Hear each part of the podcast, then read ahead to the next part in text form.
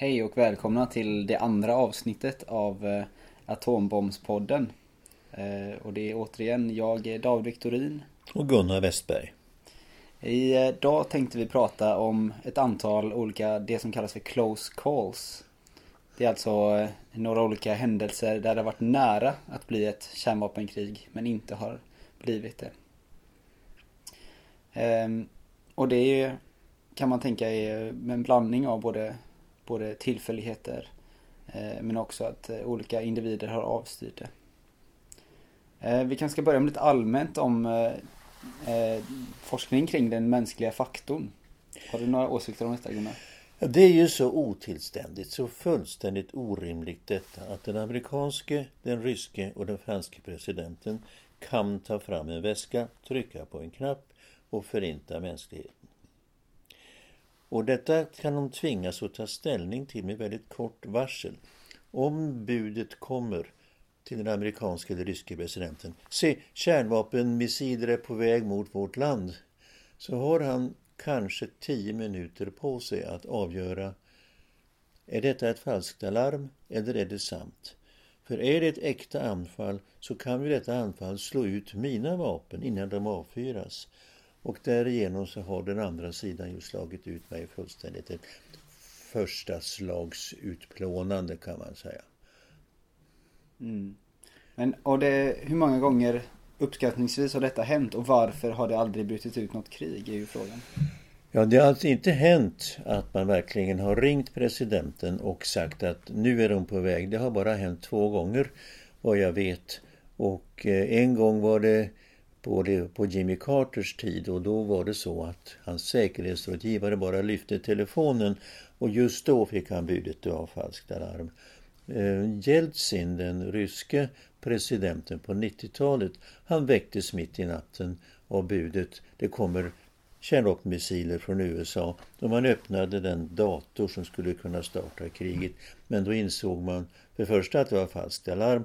Men man insåg också på 90-talet att det måste vara falskt alarm. Nu är inte en sån situation att amerikanerna anfaller som det var under kalla kriget. Mm, just det, så spänningen och de politiska diplomatiska relationerna spelar in i hur stor risk det är att bli ett kärnvapenkrig. Ja, Idag tror jag att bägge sidor, Ryssland och USA, kommer budet så är det väldigt klart för bägge sidor. Nej, det måste vara fel, det måste vara fel. Och de kommer att försöka att hitta skäl och visa. De kommer att lyfta på den här röda telefonen, heta linjen och så vidare. Det, och, men det behöver inte vara fel. Framförallt kan det ha varit en hacker eller något tekniskt fel som startat kärnvapenkriget. Och då då har de denna tvång på sig att de måste svara med ett eget anfall innan deras missiler blir utslagna. Även om det är möjligt att hela är ett misstag. Det är alltså en risk att mänskligheten ska förintas av misstag, vilket är fullständigt horribelt. Mm. Finns det några siffror överhuvudtaget på hur många gånger det här har hänt? Att presidenterna av olika länder har blivit tillfrågade eh, om de ska avfyras eller inte? Ja, det är nog bara två gånger. Däremot är det många gånger då det varit väldigt nära till detta. Ja, men budet har stannat på en lägre nivå. För innan man har gått vidare till den högsta ledaren har man sett att äh, det var fel. Mm. Det finns en matematiker som har tittat på det här och gått igenom det. Han sysslar med riskanalys. Martin, Martin Hellman i, i um, Cambridge i USA. Han säger att det var 40 procents risk att det skulle bli kärnvapenkrig av misstag mellan USA och Ryssland i det kalla kriget. Det är egentligen ganska meningslöst att räkna så. Men går man igenom alla de tillfällen han har tittat på så kan man säga bestämt, ja alltså risken var inte 1 procent, den var mycket större. Det var uppenbarligen inte 90 procent heller, men den var betydande och risken finns kvar idag. Mm. Eh, jag tänkte att vi kan gå in på några mer i detalj, några av de här exemplen. Och det kanske mest kända som, som det har gjorts eh, även en film om eh, som heter The Man Who Saved the World. Eh, som även Svenska Läkare mot Kärnvapen har varit med och sponsrat. Handlar ju om en man som heter Petrov. Ja, Stanislav Petrov. Han var riskofficer, överste. Han var också datatekniker. Och han hade varit med och utvecklat systemet för att samla ihop informationen till ett kommandocentrum i en hemlig stad i Sovjetunionen.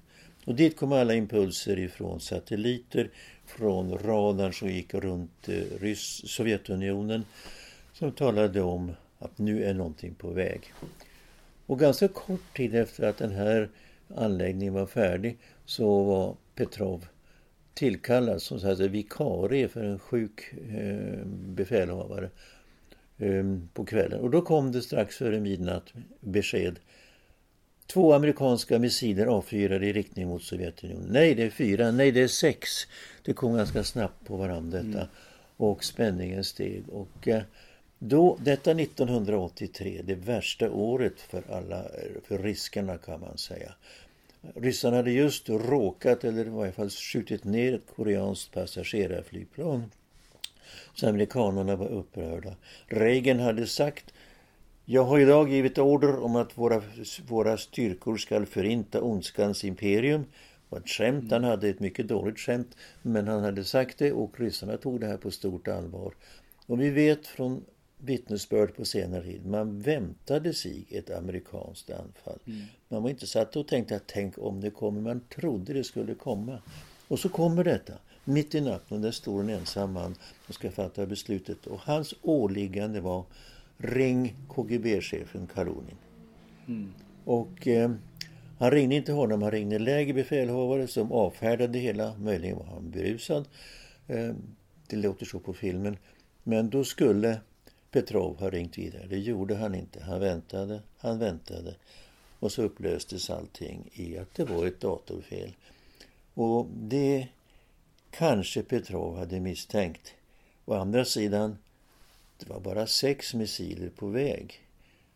Ryssarna blir inte anfallna med sex missiler. Det skulle ha varit 600 eller någonting. Mm. Um, så, men han höll huvudet kallt och på sätt och vis kanske han räddade världen. För mm. KGB-chefen var helt beredd på att nu kommer ett anfall i år från den amerikanska sidan. Mm. Vilken oerhörd press för en människa att ha den, eh, det beslutet i sin hand. Tänk som, det är ett tankeexperiment bara man kan ställa upp att eh, man har en del av mänskligheten i sin hand och han hade verkligen ja. det. Ja.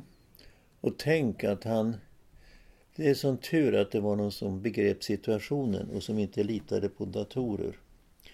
På det sätt som mm. eh, den som inte kan datorer kanske litar mer på dem. Mm. Precis, den som har byggt systemet vet också vilka svagheter som finns i systemet. Ja, visst. Mm. Ja, den kan vi verkligen rekommendera den filmen. Uh, the Man Who Saved the World.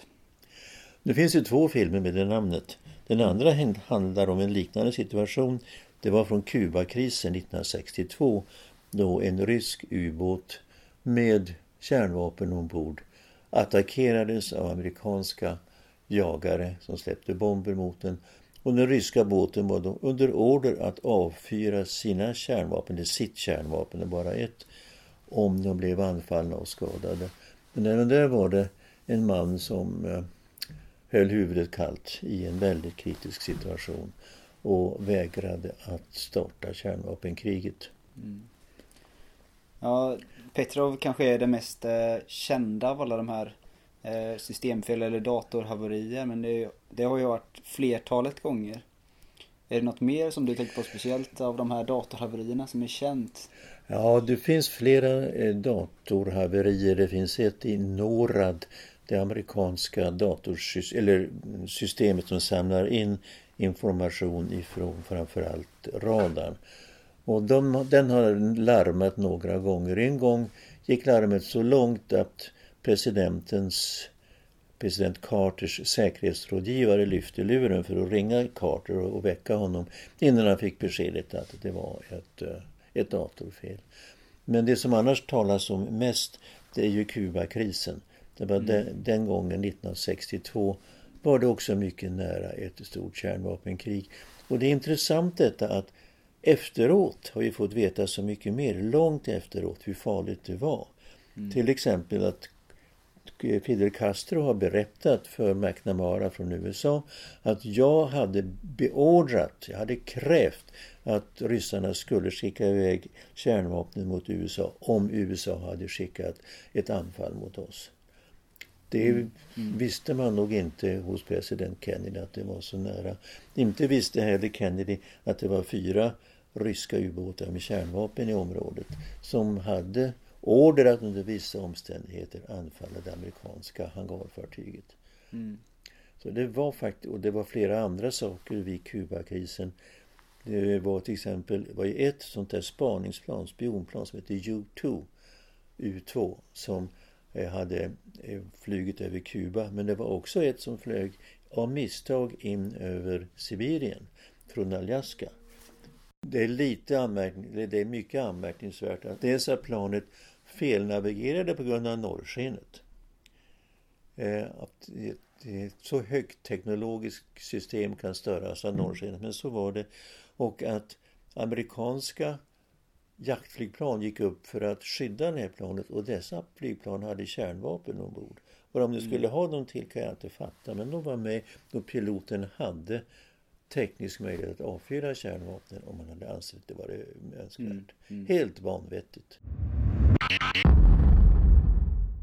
Och alla de här fallen som vi nu har tagit upp, de handlar ju om eh, eh, incidenter där det varit i så fall avsiktligt att fyra av ett kärnvapen som respons eller i första hand. Sen finns det alla de fall då där det har varit en olycka där det skulle kunna briserat en, ett kärnvapen. Um, och det finns ju många fall där. Eh, jag tänker också på de flygplan som USA hade som fram tills på mitten av 90-talet ständigt fanns i luften med kärnvapen för att eh, Ryssland inte skulle kunna anfalla och veta var alla kärnvapen fanns. Det är ju en otrolig risk att flyga runt med kärnvapen 24 timmar om dygnet. Alla dagar på året. Ja, och det gjorde de fram till början på 90-talet. Då tillträdde general Lee Butler som chef för de amerikanska samlade kärnvapenstyrkorna. Och han, som var en erfaren pilot, sa att det här kan jag inte ta ansvaret för. Mina mannar ska inte flyga omkring dygnet runt med kärnvapen ombord. Det kommer att hända en olycka. Och det hade ju hänt olyckor. Amerikanska flygplan har tappat kärnvapen flera gånger och ryska har säkert också gjort det fast vi inte vet det. Tappat kärnvapen som då i några fall bara försvunnit ner i havet men i andra fall också spritt ut radioaktivitet över stora områden. Mest känt var fallet i Grönland. Um, som mm. Det är väldigt mycket radioaktivitet. I Spanien också. Så, men Lee Butler, han, han var en man som tog det här på stort allvar. Jag har träffat honom. Han är en mycket religiös man. Han är en man som man känner har en väldig integritet.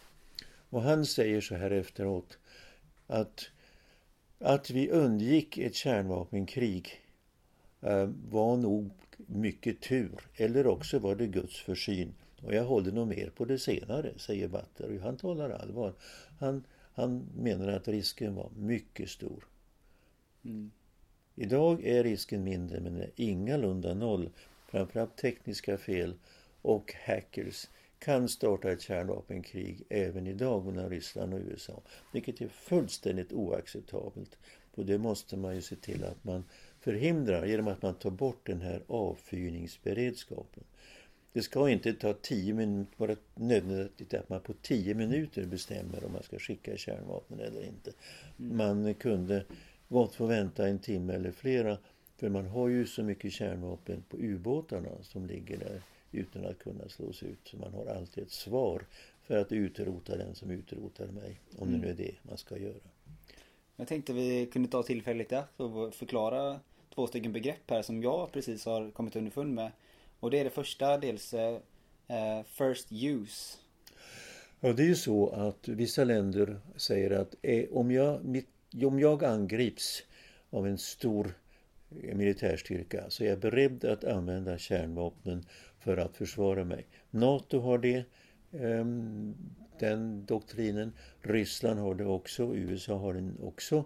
Ehm, under att till exempel Kina och Indien anser jag inte att de har det. Mm. Utan de säger vi använder bara kärnvapen om vi är angripna med kärnvapen. Um, second use.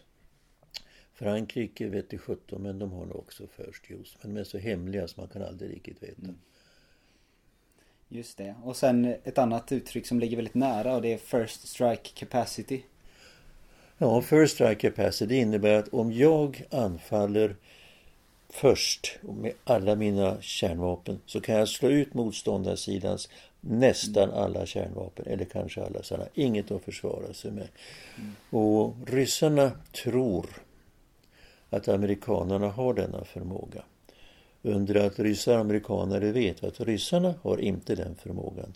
Skillnaden är att amerikanerna har huvuddelen av sina kärnvapen på ubåtar som ryssarna inte kan slå ut. Mm, det. Så det här är en egendomlig obalans mm. man sällan tänker på. Men det bygger ju då på att man, man vet var de andra kärnvapen finns. Och det säger eh, folk som är väl insatta att det är nog så att ryssarna har en svarsförmåga, en second strike capacity. För deras landbaserade kärnvapen rullar ständigt omkring på landsvägen och så går de in i någon skogsdung och så maskeras de några dagar. Så det är inte troligt att amerikanerna vet vad 99 eller 100 procent av de ryska kärnvapnen är. Men ryssarna är osäkra om detta. Och hur som helst, ryssarna vet inte var de amerikanska ubåtarna befinner sig. För amerikanerna vet nästan alltid var de ryska ubåtarna befinner sig. Ja, den här eh, Hair Trigger Alert eller de vapnen som finns avfyrningsbara inom tiotals minuter. Det är de som är de mest obehagliga ur en psykologisk eh, synvinkel. Eh, men det finns ju också speciella program som riktar in sig just på att nedrusta dem. Att bara få dem ur eh, eh, avfyrningsberedskap är ju en vinst. Flera länder, till exempel Sverige, har drivit det här kravet väldigt länge att man ska ta bort avfyrningsberedskapen. Och engelsmännen har gjort det. Så deras kärnvapen, och de finns bara på ubåtar, de kan inte avfyras för Amerik engelsmännen kan inte nå sina ubåtar när de är i urvattensläge i allmänhet. Så engelska ubåtar går upp till ytan, slänger upp en antenn och frågar ska vi skjuta nu? Det gör de en gång per dygn. Så de har en fördröjning inbyggd. Eh, men eh, amerikanerna kan däremot alltid nå sina ubåtar och beordra avfyrning. Så det här borde man göra. Det är tekniskt komplicerat men man försöker inte ens komma åt det här problemet att ta bort avfyrningsberedskapen. Och det bo, jag har haft glädjen att vid ett tillfälle sitta vid samma bord som Gorbatjov och titta på honom och sagt det är otillständigt att någon människa ska ha makten att kunna trycka på knappen och förinta mänskligheten. Det är orimligt att han ska bara ha tio minuter på sig att bestämma. Och det var intressant att se hur Gorbatjov verkligen håller med om detta. Han har också sagt detta, så egentligen citerar jag honom själv. Det här är en fullständigt orimlig situation. Mm. Att vi alla är gisslan när var detta? Var det under hans regeringstid? Eller var det... Nej, det var efteråt. Det var förmodligen 2004 2005 någonting. Mm. Jo visst, det, det är intressant också tycker jag att alla, de flesta tycker samma saker och ändå så händer ingenting i den här frågan. Nej, och de skiljer mycket på varandra. Och framförallt om man frågar amerikanerna varför vill ni ha kvar avfyrningsberedskap? Då säger man att det är ryssarna som vill ha det. Därför att de tror att vi har första, första slagsförmåga. Men frågar man ryssarna så förnekar de detta. Eh, och jag vet inte hur sanningen är. Men verkligheten är att de försöker inte bli av med det. Det görs inga försök att förhandla bort det. Nej, det, de säger att de eh, håller på att rusta ner de här olika forumen då. MPT som är det som har pågått längst. Men som är bundet av konsensus. Eh, och då är det alltid någon som eh, lägger en blockad. Men om man vill nedrusta så är det inte så trovärdigt om man investerar i nya ubåtar som USA har gjort nu då. Ja. Och ryssarna investerar mycket i ubåtar nu också. Eh, väldigt mycket. Vilket i viss mån beror på att deras gamla är eh, i mycket dåligt skick. Men eh, vad ryssarna, om ryssarna sen ska kunna hitta något sätt att dölja sina ubåtar, det är en mycket viktig fråga. Och det finns ett ställe där de kan dölja sig, så vitt jag förstår, åtminstone med lite tur, och det är under den arktiska isen. Så när den försvinner är ryssarna ännu mera utsatta, tror de. Så de har ett miljöintresse här då helt enkelt? Ja, det kan hända att det är det. Mm. Eh, nu hinner vi nog inte så mycket mer för detta avsnittet. Eh, det var intressant att prata lite mer om eh, de händelserna som faktiskt har hänt. Och idag tror jag att risken är mindre. Men med ökande spänning mellan Ryssland och USA så ökar risken. Och risken är inte noll idag. Den är fortfarande reell. Så länge kärnvapnen finns kvar finns det risk att de används.